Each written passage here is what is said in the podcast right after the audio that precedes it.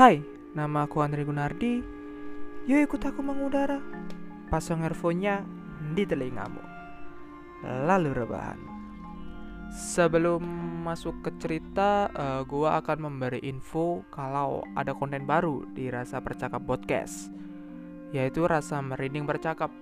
Uh, konten ini gua buat buat selingan aja gitu, uh, biar gak percintaan aja gitu topiknya. uh, biar agak merinding-merinding gitu sensasinya. Dan uh, mungkin episode pertama uh, gua sendirian. Tapi untuk ke depannya gua bakal ngajak teman-teman gua untuk masuk di podcast gua karena mereka uh, punya segudang cerita horor yang mungkin wajib kalian denger sih. Uh, ya udah gitu aja sih. Nggak berlama-lama ya gitu. Dan uh, kali ini gua bakal uh, membahas tentang uh, alas roban. Tempat yang mungkin cocok untuk kamu me time. Uh, sebelum masuk ke cerita uh, gua akan mengulas sedikit tentang alas roban dari beberapa sumber gitu. Ya mungkin uh, alas roban terdengar seperti tempat biasa bagi kemanjakan orang. Uh, tapi bagi masyarakat Jawa Tengah gitu uh, daerah ini punya kesan tersendiri ya uh, ya mungkin aja alas roban bisa dikatakan uh, sebagai salah satu tempat paling angker di Pulau Jawa. Uh, alas roban sendiri adalah nama dari sebuah uh, hutan yang di dalamnya itu uh, kayak dibuat semacam jalan gitu loh untuk menghubungkan kota-kota di Jawa Tengah. Uh, jalanan itu sendiri sudah dibuat lama sih ska, lama sekali. Kurang lebih ketika uh, kit, ketika Jawa masih dijajah oleh sama Belanda gitu uh, melewati jalan alas roban uh, ya tak hanya harus dengan kendaraan yang oke okay, tapi juga mental yang kuat teman-teman. Uh, karena soal kendaraan yang harus sangat baik baik jalan itu memang harus dibutuhkan karena uh, jalanan di situ itu cukup ngeri ya teman-teman. Ya karena uh, apa ya jalanannya berkelok-kelok dan di beberapa itu titik itu cukup curam naik dan turun gitu loh.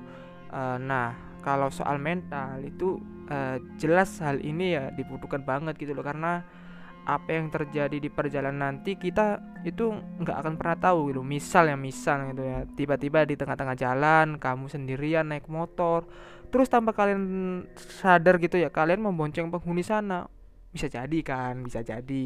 Ya pokoknya ban banyak deh orang-orang yang diganggu ketika melewati jalan ini uh, selain itu ya di jalur alas roban itu penerangannya minim banget uh, kebayang kan seremnya itu seperti apa gitu loh uh, penerangan yang minim itu uh, bikin alas roban jadi makin mencekam banyak banget orang yang trauma buat lewat situ karena emang serem banget sih katanya.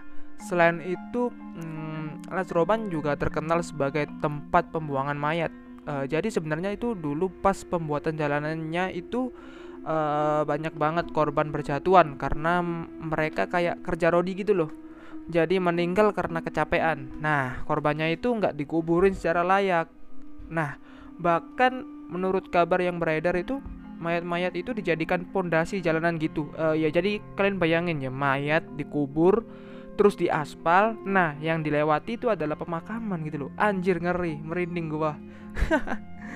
Uh, yang bikin lebih serem lagi itu di situ terkenal dengan kisah uh, penembak misterius atau Petrus gitu loh di zaman Orde Baru gitu Orde Baru gitu loh. Nah mayat-mayat korban Petrus itu katanya dibuang di alas roban. Nah anehnya mayat-mayat yang dibuang dibuang itu enggak ada. Pas dilihat itu kayak lenyap gitu loh kayak lenyap gitu aja. Nah kan ke mana tuh mayat-mayat mayat-mayatnya? Selain itu mayat-mayat itu sering gentayangan dan nakut-nakutin orang yang lewat alas roban. Dari cerita-cerita masyarakat setempat sih eh, jalan di alas roban itu juga rawan banget kecelakaan. Ya menurut warga kecelakaan tersebut terjadi karena pengendara susah buat fokus saat melewati jalan itu. Ya entah karena lingkungannya yang bikin merinding atau memang dihantui.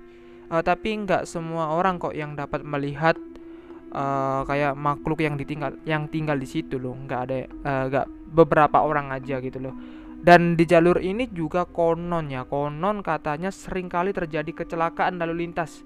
Tentu kejadiannya bukan cuma satu atau dua kali loh hutan tuh kalau udah dihitung udah ratusan sih ratusan kali kejadian ini sering terjadi dan kejadian kecelakaan di sini pun sering sampai meninggal dunia. Waduh bahaya sih ini. Jangan sampai aku nanti lewat ke sana. Ya mungkin para pengendara agak kurang fokus karena uh, seramnya area alas roban atau mungkin ya karena memang gangguan dari makhluk halus yang tinggal di alas roban. Uh, bisa berupa melewati jalan ketika pengendara sedang melintas menumpang pada kendaraan yang melintas atau juga memang seringnya muncul dengan tiba-tiba yang dapat mengagetkan. Mungkin kalau kita berpikiran rasional ya bisa saja pengendara yang biasa melewati jalan itu pun kebanyakan itu kayak memacu kendaraannya dengan cepat loh dengan tinggi gitu dengan uh, dengan cepat itu dan ditambah dengan uh, kondisi jalan yang licin uh, kan dan betul kan? Kalau sehingga membuat uh, tabrakan itu uh, kayak sulit gitu loh dihindari dan mungkin juga untuk uh, kamu yang sering melintas di area alas roban untuk selalu memperhatikan kecepatan kendaraan ya dan uh, lanjut uh, di balik keseramannya itu ternyata alas roban juga punya uh, beberapa pantangan saat kamu berada di sini agar enggak terjadi hal yang tidak diinginkan dan bisa selamat sampai tujuan. Dan pandangan yang pertama yaitu sebaiknya jika berkendara di alas roban lakukan waktu yang tepat atau lebih bagusnya berkendara di sini tuh sebaiknya pada pagi atau siang hari. Karena apabila kamu berkendara di malam hari ya eh, tentunya kegelapan yang akan menemanimu selama perjalanan gitu loh. Dan pandangan berikutnya yaitu cuek, cuek aja ketika ada gangguan atau ada hal aneh yang nampak saat kamu berada di sini. Tetap fokus untuk berkendara, jangan sampai pikiran uh, rasa takut itu terus menghampirimu. Ya usahakan tetap tenang dan fokus. Biasanya emang hal-hal aneh sering terjadi. Mungkin memang bisa jadi bentuk interaksi dari makhluk yang tinggal di sini ataupun rasa takut yang membuat pikiranmu semakin was-was. Dan jangan lupa berdoa ketika ingin berkendara ke mana pun dan di mana pun. Uh, jadi intinya kalau kalian mau lewat situ ya usahain buat uh, enggak lewat pas malam hari. Selain, selain itu selalu abaikan godaan yang ada. Kalau ngelihat sesuatu yang aneh kalau kalian kemakan rasa takut sendiri uh, nanti godaannya makin banyak gitu loh. Uh, sekarang uh, gue mau nyeritain pengalaman orang yang pernah lewat ke sini. Namanya sebut saja Mbak Aini. Kita pakai sudut pandang Mbak Aini ya langsung aja Hai nama aku Aini ini cerita waktu aku sekitar kelas 4 atau kelas 3 SD tapi aku masih keinget sampai sekarang kejadian hari itu dan masih inget sedetail-detailnya. Oke, Mbak ini inget sedetail-detailnya. Uh, jadi ceritanya waktu itu lagi ngetren banget mudik keluarga pakai sepeda motor. Keluarga aku pun ikut mudik naik motor. Aku di motor berempat. Ayah, aku, ibu aku, aku, dan adik aku. Jadi akunya itu Mbak Aini ya yang waktu itu masih sekitar umur satu tahunan. Oh, jadi adiknya itu umurnya satu tahunan gitu. Oke. Dan trip mudik aku itu tujuannya dari Jakarta ke Brebes. Dari Brebes terus ke Banyumas dan dari Banyumas lanjut lagi ke Semarang. Trip ke Brebes dan Banyumas itu lancar-lancar aja tanpa ada acara aku nyasar ke mana-mana tapi waktu trip aku selanjutnya ke Semarang Aku inget banget, kami berangkat pagi-pagi dari Banyumas dan itu bertepatan malamnya itu malam takbiran. Dari pagi sampai jam 10-an malam kami belum juga sampai ke Semarang. Singkat cerita, kami nyasar ke sebuah hutan yang dari awal kami masuk itu dari ujung ke ujung gelap gulita, nggak ada lampu sama sekali dan cuma ada pohon-pohon besar di sekeliling. Ada sekitar setengah jam kami nggak nemuin jalan keluar. Sampai ayah aku bilang ke ibu aku, Coba bu, lihat-lihat siapa tahu ada orang yang bisa ditanyain jalan keluarnya ke mana. Dan nggak lama lama nggak lama dari itu kami ngelihat ada satu rumah itu mewah banget, bener-bener mewah. Dan terang, terang banget. Dari kejauhan itu udah kelihatan terangnya. Itu rumah cuman satu di tengah-tengah hutan dan mewah. Berhentilah kami. Ibu aku turun buat nanya. Dia sambil gendong adik aku yang kecil. Aku di motor sama ayah aku. Di situ aku lihat dengan jelas di garasi mobil rumah. Itu ada bapak-bapak duduk di kursi panjang sambil marut kelapa. Ibu aku nanya ke bapak-bapak itu, kalau rute kalau rute ke Kaliwungu Semarang tuh ke mana? Cuman bapak-bapak itu diem aja sambil nundung gitu loh. Gak lama dari itu ada ibu-ibu pakai jilbab dan baju serba hitam dari dalam rumah, gendong anak sama tangan satunya nuntun anak kecil.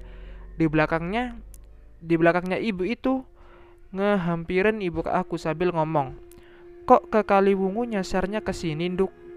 Kalau ke Kaliwungu, kamu lurus aja dari sini, lurus aja, jangan belok-belok ya, dan gak usah tengok-tengok, Nduk, gelap soalnya, pakai bahasa Jawa. Setelah ibu-ibu itu selesai ngomong, langsunglah ibu aku bilang, "Terima kasih, Bu." Terus kami jalan lagi, tapi ibu aku tuh kayak ngerasa curiga gitu. Kenapa nggak boleh tengok ke mana-mana selain lurus aja? Akhirnya ibu aku ngomong ke ayah aku buat izin tengok ke belakang. Karena ibu aku udah curiga dari awal dan bener aja. Pas ibu aku tengok ke belakang, itu rumah nggak ada. Suasana gelap gulita dan kanan kiri pun nggak ada tanda-tanda ada perumahan penduduk. Akhirnya sepanjang jalan yang bisa kami lakukan hanya berdoa. Sekitar 15 menitan kami sampai di jalan keluar setelah lurus aja dari rumah itu. Uh, sesampainya di rumah bude aku di Kaliwungu, kami cerita ke bude tentang kejadian tadi. Bude aku bilang, di situ tuh namanya Alas Roban. Itu namanya hutan Alas Roban dan sering orang-orang ngalamin begitu. Persis seperti yang kami alami dan syukurnya kami bisa keluar, bisa selamat nemuin jalan keluar. Karena menurut orang-orang di situ sering orang tersesat di situ dan gak bisa keluar sama sekali sampai hilang begitu aja dan aku bersyukur sampai sekarang aku selamat. Keluargaku pun utuh. Uh, sekian pengalaman dari Mbak Aini yang pernah lewat alas roban. Makasih ya udah uh, sharing-sharing ceritanya ke aku dan uh, ya udah gua Andri Gunardi pamit undur diri. Sampai ketemu di episode rasa merinding bercakap selanjutnya. Bye bye